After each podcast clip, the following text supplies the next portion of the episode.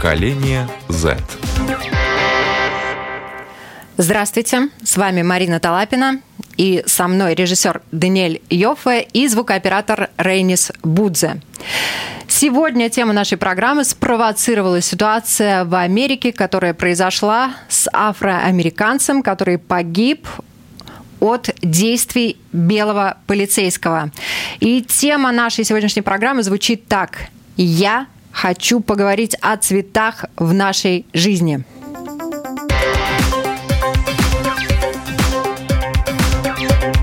Поколение Z.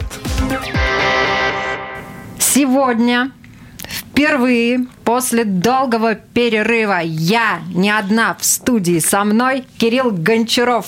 Добрый день, я безумно рад сюда вернуться. А мы очень рады тебя представить, потому что действительно интересно вести программу с ребятами на расстоянии, но здорово, что кто-то появился и у нас в студии. Тем не менее, мы не отказались от э, связи по скайпу, и это радует, потому что с нами на связи Анна Смыкова. Здравствуйте. Э, Леонард Теснов. Приветствую всех. Антон Нужный. Здравствуйте. Максим Зинкевич. Доброго времени суток. И спасибо вам большое, ребята, что э, тоже принимаете участие в нашей программе, потому что наша программа «Поколение Z», она для вас, о вас и про вас. И э, сегодня мы решили поговорить об этом событии. Спасибо вам, что подкинули эту идею. Э, событие, которое послужило поводом для волны акций протестов, мирных, агрессивных. Э, белый полицейский использовал удушающий прием при задержании правонарушителя афроамериканца, в результате чего задержанный скончался. Вот как и откуда вы узнали о происшедшем? Кирилл, наверное, начну с тебя. Я узнал о происшедшем через Инстаграм, потому что моментально, как только это произошло и как медиа начали распространять эту информацию, сразу пошла шоковая волна всех людей в социальных сетях, и я тоже к ней присоединился, и сам был в шоке, и сам был недоволен, и сам э, думал о том, э, что это повлечет за собой что-то, потому что это настолько было публично. Ребят, как вы узнали об этом? Я в последнее время все новости, которые до меня доходят, узнаю из мемов. Они появляются моментально, со, со скоростью звука, даже быстрее. И можно быстро понять ситуацию вкратце. И дальше самому уже узнавать. А какую, а, а какую они э, впечатление на тебя произвели, мемы? Ну, зависит от того, кто делал мем. Америка же делится на республиканцев и демократов, и у них иногда немного разные взгляды на картинку. Но в основном шуточные всякие истории.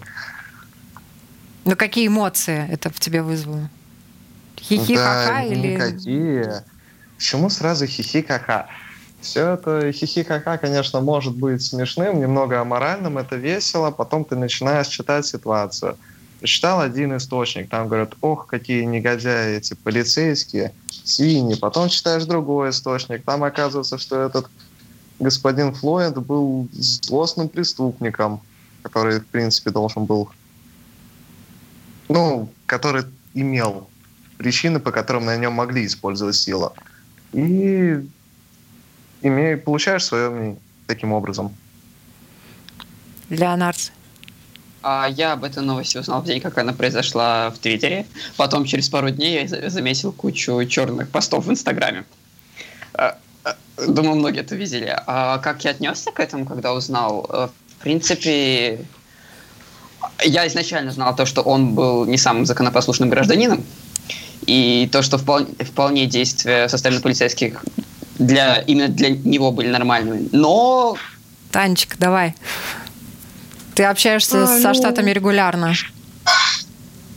Ну, э, в первую очередь я узнала о данной ситуации из социальных сетей, а потом, естественно, в школах, в моей школе пошла рассылка всем, что вот такая была ситуация, давайте оставаться законопослушными гражданами. От некоторых учителей при, э, приходили сообщения по типу для тех, кто живет в Америке, чтобы они выходили на парады и боролись, э, как говорится, за права э, людей цвета, как их называют в Америке. ну, в принципе, я считаю, что данная ситуация слишком неоднозначная, и я относительно рада, что у нас будет э, возможность ее обсудить.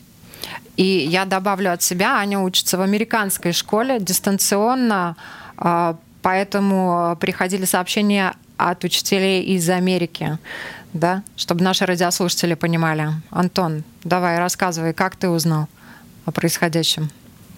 Здравствуйте еще раз. Я узнал, в принципе, из интернет-новостей о том, что происходит в Америке. И, в принципе, могу поддержать то, что, как сказала Анна, ситуация очень неоднозначная. А, касательно того, что, в принципе, можно сделать вывод, что убийство Флойда – это скорее не причина этих последствий, э, это скорее не причина этих э, беспорядков, это повод для этих беспорядков. Потому что постоянно происходят подобные убийства при задержаниях, и мы каждый день, так сказать, не видим таких беспорядков. А причин для этих беспорядков в Соединенных Штатах вполне много. Очень. Вот дело в том, что расизм и какой-то это лишь аспект социального неравенства. Это не есть самая большая проблема в обществе Соединенных Штатов. А какая, на твой взгляд, самая большая проблема? В обществе, ну, их очень много. Например, мы, мы видели во время карантина из-за ковида-19, мы видели просто всплеск безработицы среди молодежи. А, это в Соединенных Штатах трудно, труднодоступная медицина. 13% да, безработица у них сейчас, да. Ну, очень большая безработица. А, также насчет тюрем мы видим, что в Соединенных Штатах отнюдь не самое большое население, но одно из самых а, больших количества тюремных заключенных в тюрьмах. Это во многом из-за того, что в Америке сохраняются частные тюрьмы, и это не просто каждая тюрьма, один частник, это целые сети из частных тюрем. И это во многом все является и причинами тех беспорядков, которые происходят сегодня. Одним словом, это, в принципе, обусловлено социальным неравенством в Соединенных Штатах. Ну, вообще, эта история заставила вас следить э, более активно за тем, что происходит в Америке в эти дни, какие последствия это все за собой повлекло? В моем личном случае я и до этого активно следил за тем, что происходит в Америке, как э, с 2016 года, когда избрали Трампа, и все, что последующее. Особенно активно следил за импичментом, э, потом за их реакцией на COVID, и сейчас за этим. И поэтому, и, к сожалению, из-за того, что у меня уже сложилось за то время впечатление о том, как происходит политика, э, какие реакции обычно ты получаешь на схожие очень контрастные явления. Я, к сожалению, уже знал, что это будет не так мирно, как могло бы быть. Ну, ты сразу предчувствовал, что ситуация развернется очень остро. К сожалению, да, потому что, опять же, если мы посмотрим на метод работы полиции в США, это является отдельной институцией, которая в некотором формате независимо от государства, и тот же Сенат может сделать не так много. Они могут дать какой-то законопроект, но, опять же, реализацию его должны следить сами полицейские участки и полицейские общества. Америка, полиция, правонарушения, там э, многое зависит от того, где ты живешь. Да. Да. И... Есть э, штаты, которые более российские, э, более российские и менее российские. И поэтому, по большей части, все эти митинги проходят на восточной так есть США. Э, Нью-Йорк, город, в котором есть район Бруклин и район Гарлем. И я думаю, что полицейские в этих районах, они тоже в разном положении, в разное положение поставлены. Давайте вот об этом вообще. Насколько вы интересуетесь жизнью в Америке и почему? Кто начнет? Кто был в Америке? Тебе а, ли слово? Ситуация... Ну, я слежу за жизнью в Америке, потому что я непосредственно с ней связана. Вот. Э, и как бы я планирую в ближайшем времени переезжать туда. И что касается черных районов и так далее, гетто, назовем их так, да, это тоже очень неоднозначная тема. Люди там воспитываются по-другому, они ведут э, другой образ жизни, да. А, и мне действительно тяжело. Можно кто-нибудь другой начнет, и я продолжу? Мне действительно сложно об. Я лично слежу за ситуацией в Америке, всегда следил, потому что Америка — это один из самых важных, наверное, и информационно, а, экономически участков мира. А, огромное количество всего происходит в Америке, приходит из Америки, а, и новости оттуда тоже регулярно доходят и до нас, до маленькой нашей Латвии. А в Америке долгое время происходит вот это вот как бы это сказать, перетягивание одеяла с полицией и населением э, очень часто э, цветным.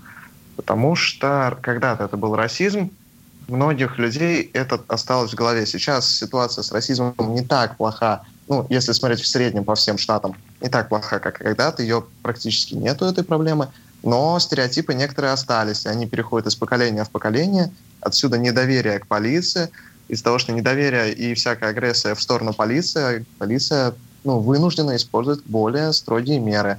А, очень часто это сводится к плачевным историям. В этих случаях эти полицейские а, проходят через такой же суд, потому что нельзя просто убить человека и остаться безнаказанным, только если это самооборона. А, из-за вот таких вот институций в полиции сократились очень сильно количество смертей при исполнении. Но это в корне не решает проблему. А еще он может э, использовать болевые приемы, если человек убегает, а Флойд на, на тот момент убегал. Поэтому, в принципе, решение юридически его правильное.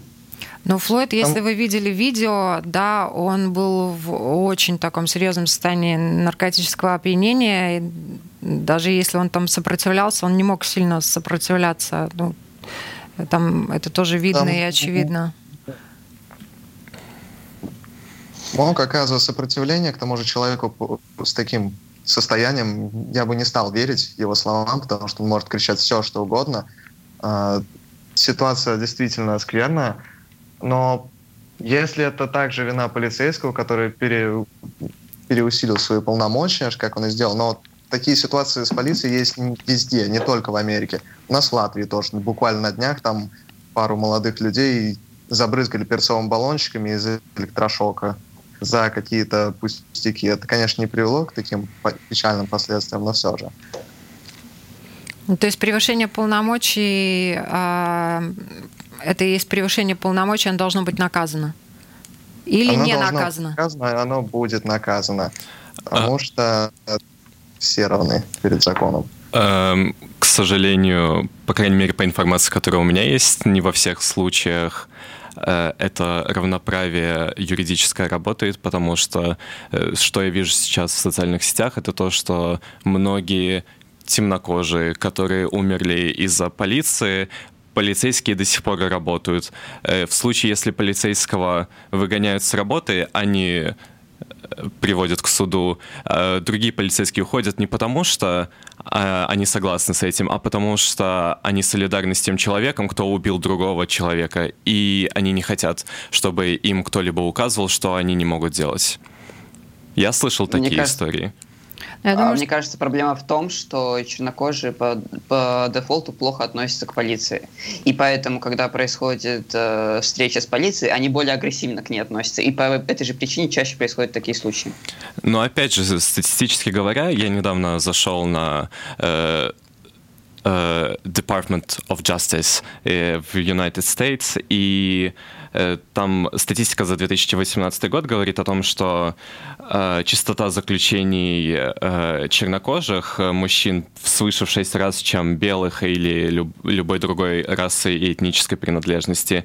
Или, как, например, то, что шанс э, молодежи, то есть 18 парней 18-19 лет, в 12,7 раз э, выше тот факт, то, что их могут остановить полиция, если они чернокожие, чем любой другой расы. То есть здесь систематические проблемы существуют. Также, если мы вернемся к самой Конституции США, то там э, 13 поправки, которая гласит о э, уничтожению рабства чернокожих, то там до сих пор существует э, пункт о том, что рабство может существовать, если чернокожий заключен. И с тем, что у США частная система тюрем, э, и количество чернокожих превышает, то можно представить, что может там происходить, что мы не видим. То, что касается... Я бы не назвал это рабством, потому что исправительный труд, труд в тюрьмах и у заключенных, он присутствует для всех, и для заключенных, кто находится там, и не только для черных. А, я, мне кажется, это можно считать рабством, если они его передают в частное пользование э, не юридическому лицу. И если они не получают никаких денег за это. Но они, кстати, за исправительные работы не получают денег. Да, но исправительная работа есть везде. Ух, мы с вами задели тему, да? То, что касается...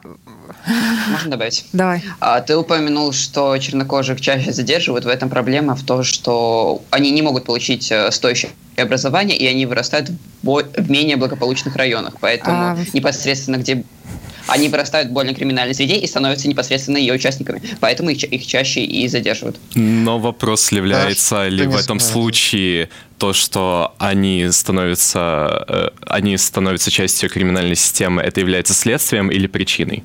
И то, что, например, факт того, что только у 33% э, чернокожих детей, которые находится в школах, есть э, семья с двумя родителями, например. Потому что это тоже статистика из э, Министерства образования США. Это следствие того, это следствие расизма в 50-х, 60-х годах. Мы, это исправить сейчас крайне сложно и а, трудно. А, потому что это круг. Как бы вырастают непри... ну, в плохой среде, они создают, ну, продолжают эту плохую среду, и все это зацикливается. Конечно. Я бы хотел... Конечно, можно. Ладно, давай ты. А, да, спасибо. Я хотел сказать о том, насчет причины или следствия того, как э, много афроамериканцев в тюрьмах.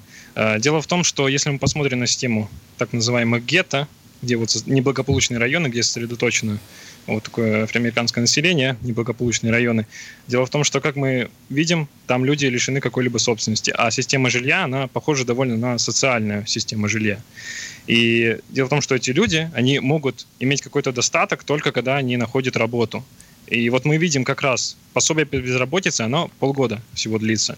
И как раз примерно полгода назад начался всплеск той самой безработицы. И, соответственно, что мы видим? Начинается возраст стадии. Да, начинается рост криминала, то есть люди без работы оставшиеся, у них не, мало выбора, кроме как они вплоть до того, что идут просто воровать и становятся уголовниками. И, конечно, таких людей и, и ненависти к полиции, и государству возрастает Но сразу. Сейчас ты описываешь э, не расизм, о чем программа, а следствие коронавируса. Но а, дело в том, нет, неблагополучный том... район, ребят, вот неблагополучные районы, они же не полгода назад э, были названы неблагополучными, да? И они называются конечно. неблагополучными, опять же, кем? Теми людьми, которые там не живут. Те люди, которые там живут, вряд ли они э, готовы смириться с тем, э, что у них жизнь неблагополучна. Да, может быть, мне все нравится, но никто не хочет э, говорить о себе со знаком минус, да, их, наверное, их жизнь отчасти устраивает. Мы знаем огромное количество людей, афроамериканцев, которые преподают в университетах, да, и достигли высот, и не надо забывать, э, президент Америки был чернокожим не так давно, да, и неизвестно, может быть, еще и будут, э, и людей с разным цветом кожи, э, представляющих разные слои общества. И в Америке достаточно, и у нас уже тоже появляются, хотя у нас э, гораздо меньше населения. Да? Вот э, Хотелось бы поговорить с вами еще о том, что э, акции протеста в защиту э, человека, который погиб от превышения полномочий полицейского, э, они э, дошли до того, э, что люди не просто протестовали, массово протестовали, э, началось мародерство.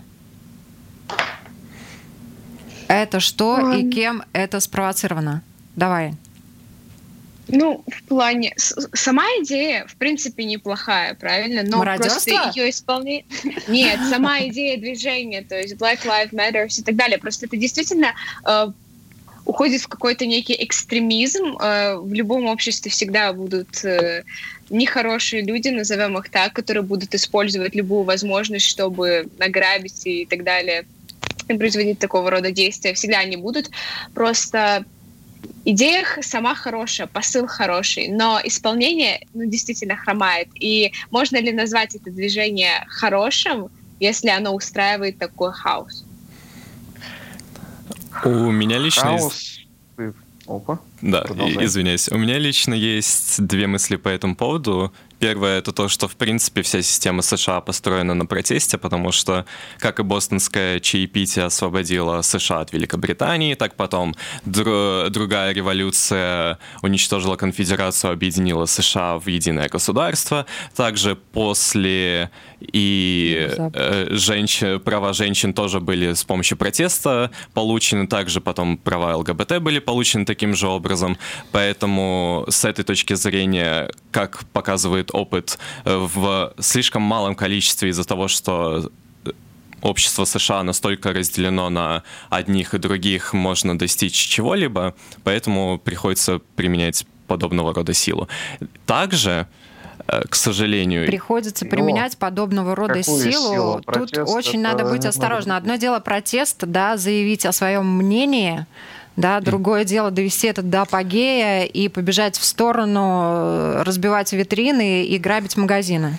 Но также, с другой стороны, еще есть факты того, что во многом случае то, что говорят при было сделано протестующими, на самом деле не было сделано. Как, например, в, когда в Нью-Йорке э, якобы ограбили магазин Rolex, украли, потом департамент полиции написал то, что украли 2,4 миллиона э, долларов э, ценностей, и потом э, Rolex сам заявляет то, что в этом магазине не было никогда никаких ценностей, и там невозможно было что-либо украсть. Появляется вопрос, насколько информация, которую предоставляет полиция, верна. Так же, как, предположим, э, было доказано то, что в Миннеаполисе самый первый процесс у Таргета э, был начат полицейским, который разбивал стекла, и потом э, приехали туда полиция, и только тогда на- началось действо против полиции, потому что они начали применять силу.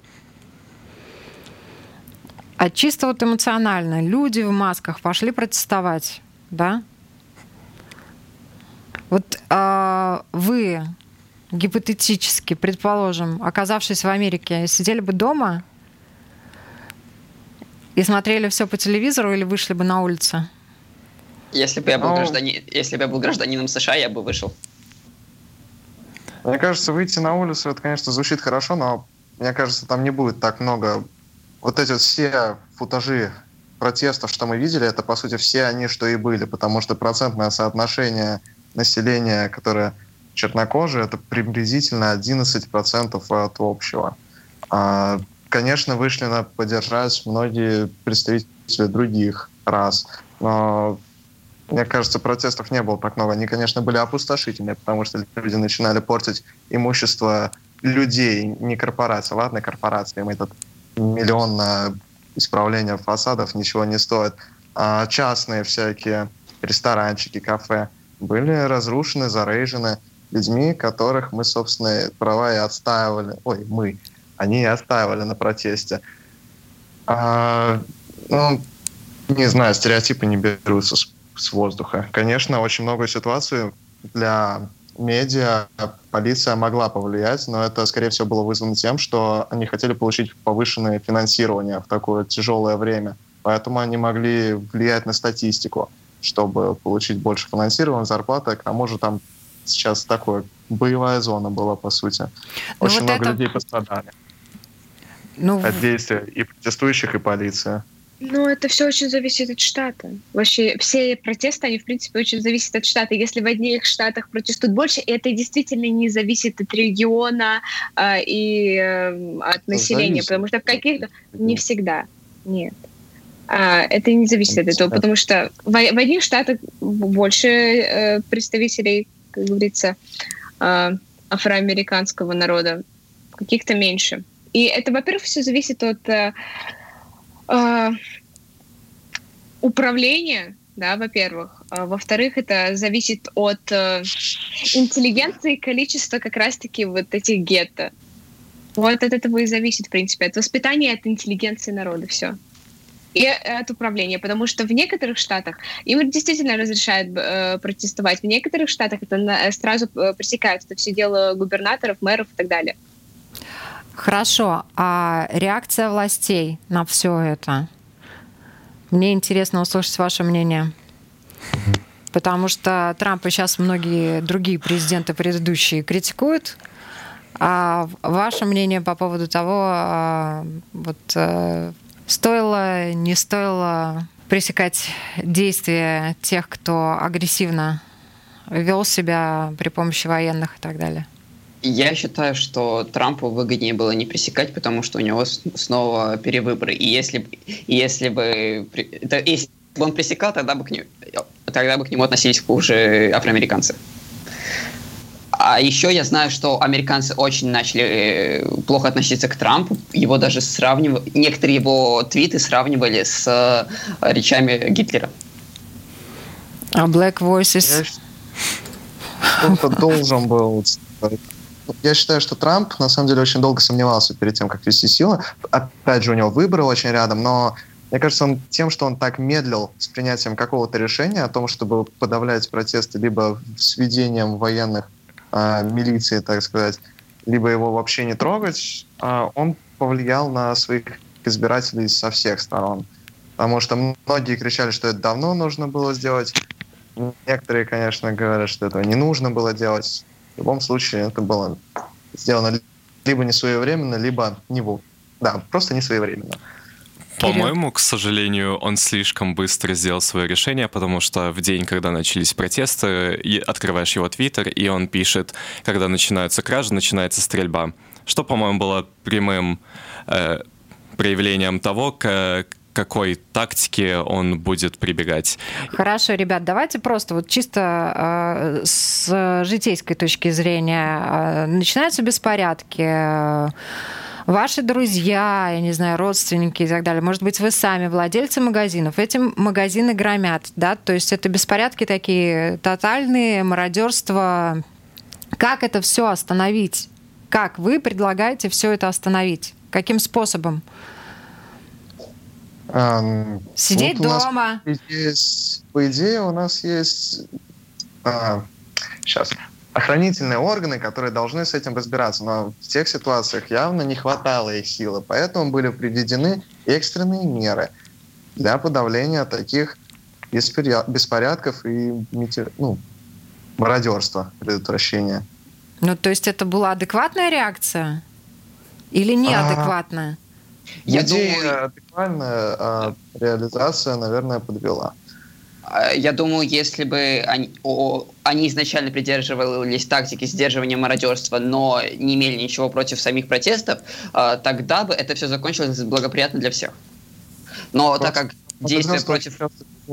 Под прикрытием протестов, соответственно, тебе нужно было убрать перекрытие, чтобы адекватно разобраться с проблемой.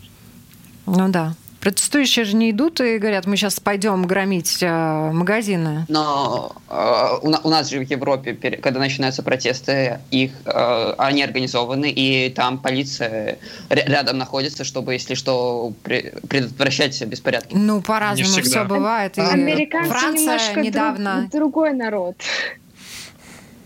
Американцы Нет. немножко другой народ, они радикальные очень. И они очень отличаются от европейцев, в принципе, менталитетом. Так что ситуация, ну, обсуждать как э, в Европе, это делают, и как в Америке, Слушайте, я ребята, считаю, очень неправильно. А, вы, конечно, были еще маленькими, маленькими, но у нас тоже на улицах Старой Риги были беспорядки и переворачивали полицейские машины. Да? То есть э, у нас тоже такие э, ситуации были да, то есть э, и приходилось применять силу, и резиновые пули э, летели, и это было уже в свободной независимой Латвии, да, то есть э, вот я хотела услышать от вас, если со стороны людей начинается беспредел, имеет ли право власть, правоохранительные органы принимать очень жесткие меры для того, чтобы остановить это?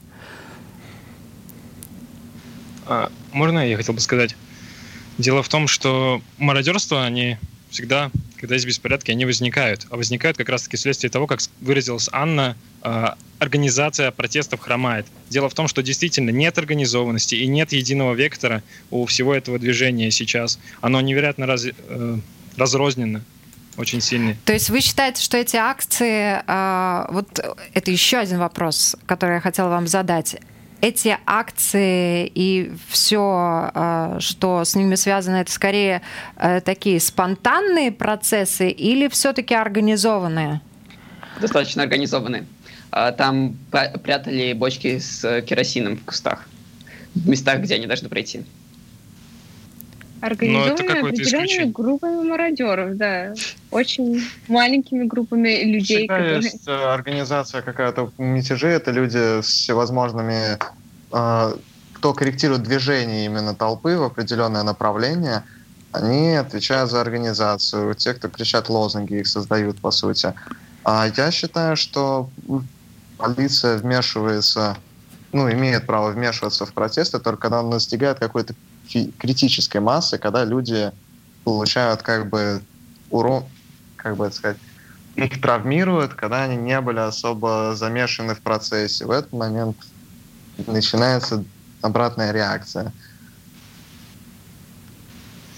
Ну, по-моему, дело в том, что у протестующих нет, в принципе, как такового четкого требования, за которое бы они Ой. выходили. У них требования довольно часто даже абстрактные. И дело в том, из-за этого я даже боюсь, что эти протесты могут закончиться просто тем, что будут уже заточаться законы и более, все более оправдываться насилие со стороны полиции.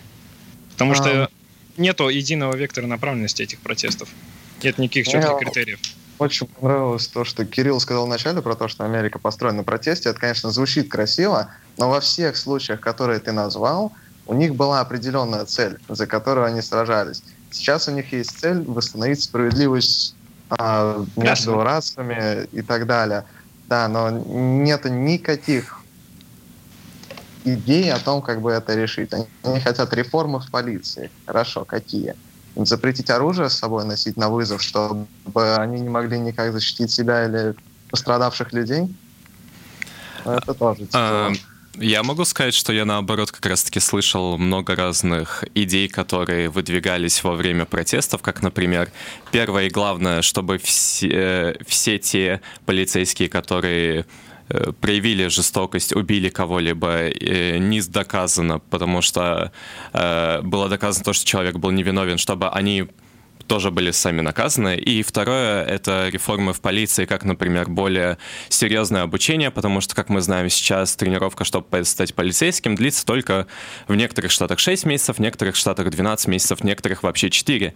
И их учат... Я слышал некоторые методы, которыми учат полицейских, и есть один учитель, который э, только учит, чтобы э, полицейские агрессивно реагировали на любую среду и чтобы они дехуманизировали любого человека, кто пытается противостоять им. Ну, вы понимаете... Звучит ужасно, но дехуманизировать преступника, который тебе будет говорить «помогите, помогите», ты к нему подойдешь, он тебе пырнет типа заточкой в спину, да, хорошо будет, если ты его не будешь дехуманизировать. А, подожди, но как бы далеко не во всех пришел... случаях люди, к которым приходит полиция, являются преступниками, потому что... Да, поэтому они задерживают всех, кто есть на месте, чтобы потом разобраться. Хочу заметить, а, вызов, задерживают, полиция, они убивают. А, хорошо. Бывают случаи везде.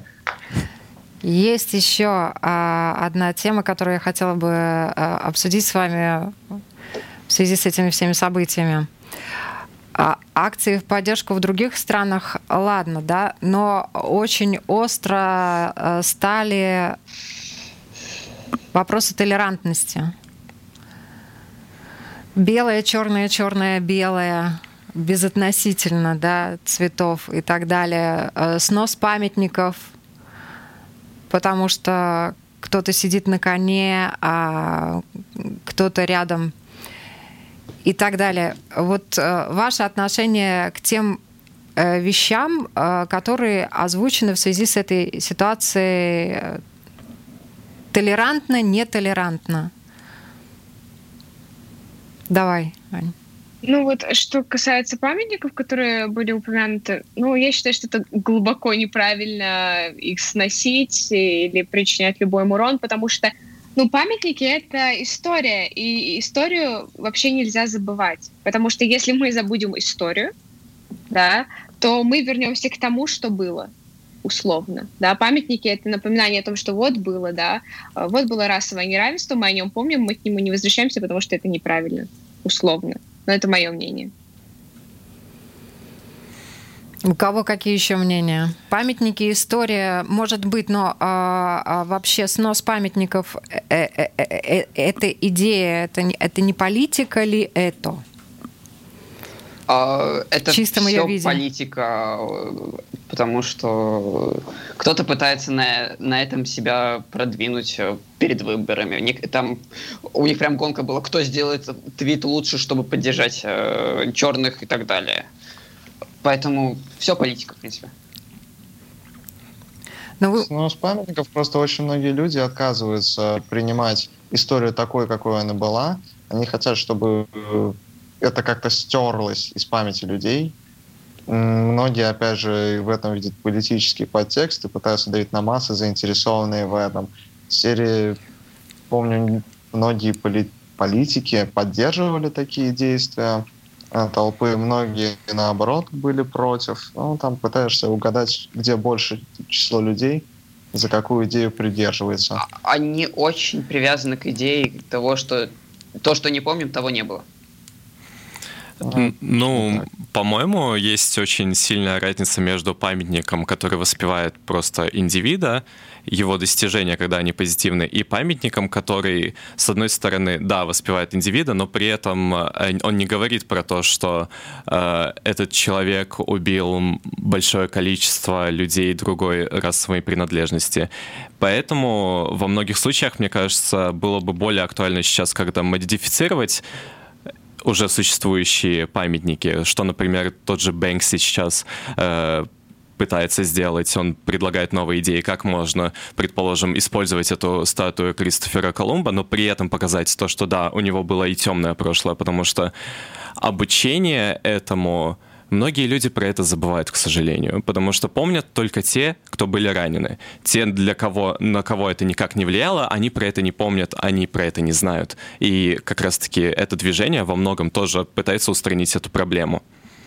Вот еще один момент. Просто мы перед программой буквально за несколько минут э, да, с вами говорили открыто достаточно о том, а можно ли нам произносить э, в эфире черное, белое, белое, черное, как к этому отнесутся толерантно, нетолерантно. Э, да, вот на ваш взгляд, в той же Америке нет ли на сегодняшний день перегибов по отношению к таким вещам? Мне кажется... У толерантности раз... вообще должны быть рамки? Должны быть рамки, потому что это как раз приводит к позитивной дискриминации. А, боятся не обидеть, из-за этого делают слишком много, и поэтому не дают им возможность э, себя Вопрос проявить так же, как остальных. Что, Максим? Возводят на пьедестал людей определенной расовой принадлежности только за то, что они таковы являются. В сути, делают их какими-то неприкасаемыми с какой-то точки зрения. А я считаю, что бессмысленно абсолютно как-то ограничивать людские слова, цензурировать то, как ты называешь людей, потому что имеет значение посыл, который ты несешь в слове. Я могу очень, не, ну, очень неприятно, допустим, назвать Леонардо красавцем, так что это будет ему обидно, и тогда ладно, я могу его назвать каким-нибудь в шутку некрасивым человеком, это тоже будет. Да лучше не называть его вот Любым словом с корнем кра- кра- красота. А. Я пытаюсь привести пример. А, Давайте. Насчет толерантности хотел сказать. Дело в том, что мне кажется, что толерантность это лишь вершина айсберга. Дело в том, что э, хоть это протесты и выглядят такую маску, как черная против белого, допустим, условно, э, но Дело в том, что, посмотрите, разве среди протестующих есть темнокожие миллионеры? По-моему, таких там нет. А, дело в том, что смотреть надо как раз-таки именно в аспект собственности и того, как оно устроено в Соединенных Штатах. Спасибо. Я, в принципе, среди протестующих не видел много миллионеров. А, миллионеры, они просто фотку в Инстаграме, твит и готово. Зачем им рисковать своей а, жизнью? Ну, в том и дело, они не пойдут туда, им незачем идти. А почему в итоге люди идут, и из-за этого в итоге мародерство, громят магазины и так далее? То есть корень проблемы а является, в принципе, собственность и ее распределение в Соединенных Штатах. Ну вот, э, что касается толерантности перед толерантности, это большая проблема в Америке, и я начинаю понимать, как она меня сильно захлестывает, да. Что касается называть э, темнокожих людей черными, само движение называется Black Lives Matter, да, то, то есть как бы я считаю, что мы имеем полное право. У них, э, естественно, является неприлично называть только, в принципе, в сленге. Все мы знаем эти слова, да. Слово на букву «Н». Да, которые, слова, которые нельзя называть. Э, как бы... Ну, это тоже зависит, э, вот как правильно Максим сказал, от того, с каким посылом ты говоришь и в чем окружении ты говоришь. Конечно, если это твои друзья близкие, они воспримут это довольно нормально, да. Если ты придешь, конечно, в гетто и начнешь им кричать, ну, ну, я думаю, что если ты белый, ты в гетто не... Э, то, что касается Америки, если ты белый, тебе лучше в гетто не ходить, если ты хочешь остаться жив и, и чтобы тебя не ограбили. Никому лучше в гетто не ходить, никому. Это не, не зависит от цвета кожи. В принципе, довольно криминальная обстановка. В принципе, это просто безопасность. Если ты придешь в бедный район, не важно, на какого цвета ты кожи, и будешь орать «умрите, жители этого района», да. Да, до тебя Ну, будут... сразу все умрите. Мне кажется, что здесь, в общем, есть очень большая разница в вопросе толерантности, если бы было движение антидискриминации. Потому что если бы все были бы по-настоящему равны, то и вопросов толерантности в априори не было бы. А должны ли быть все равны? На правовом уровне, на правовом уровне и на уровне того, тех вещей, которые люди не могут в себе поменять, потому, э, потому что ты цвет кожи не поменяешь, например, а, они должны быть равны. Социоэкономический статус — это уже другой вопрос, потому что экономика — это другая отрасль, на которую влияют другие факторы. И хотелось бы, чтобы на это влияли только другие факторы, а не те же признаки расовой принадлежности языка, который, на котором ты говоришь. Ну и в завершении нашей программы резюмируем, о чем сегодня мы с вами говорили. Каждый коротко, вот э, что он из этой программы для себя вынесет. Кто начнет? Ань, давай. Ну, Я, да, я, наверное, сделаю такой э, вывод. Я скажу словами известного человека, актера темнокожего в Америке, его зовут Терри Крюс. Э, побеждая белое превосходство без белых, мы лишь устраиваем превосходство темной расы.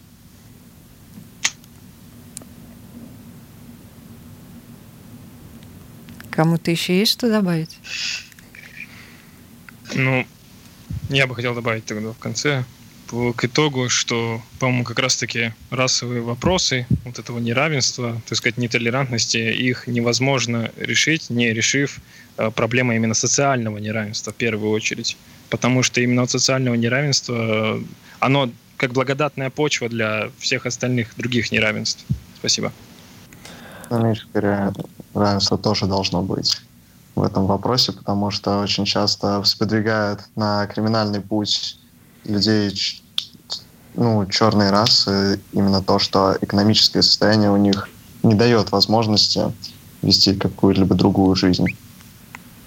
Реш- Проблемы реш- дискриминации должны решаться не теми, кого дискриминируют, а те, кто дискриминирует. Это основ- основной посыл программы. Хотел бы продолжить э, мысль Леонарда о том, что Black Lives Matter э, в, в себе несет не только черные жизни, оно несет в принципе все жизни, чтобы все жили равно и хорошо. Романтики. Спасибо огромное за эту программу. Я напоминаю, сегодня с нами были Кирилл Гончаров, Анна Смыкова, Леонард Теснов, Максим Зинкевич и Антон Нужный. Всем хорошего дня.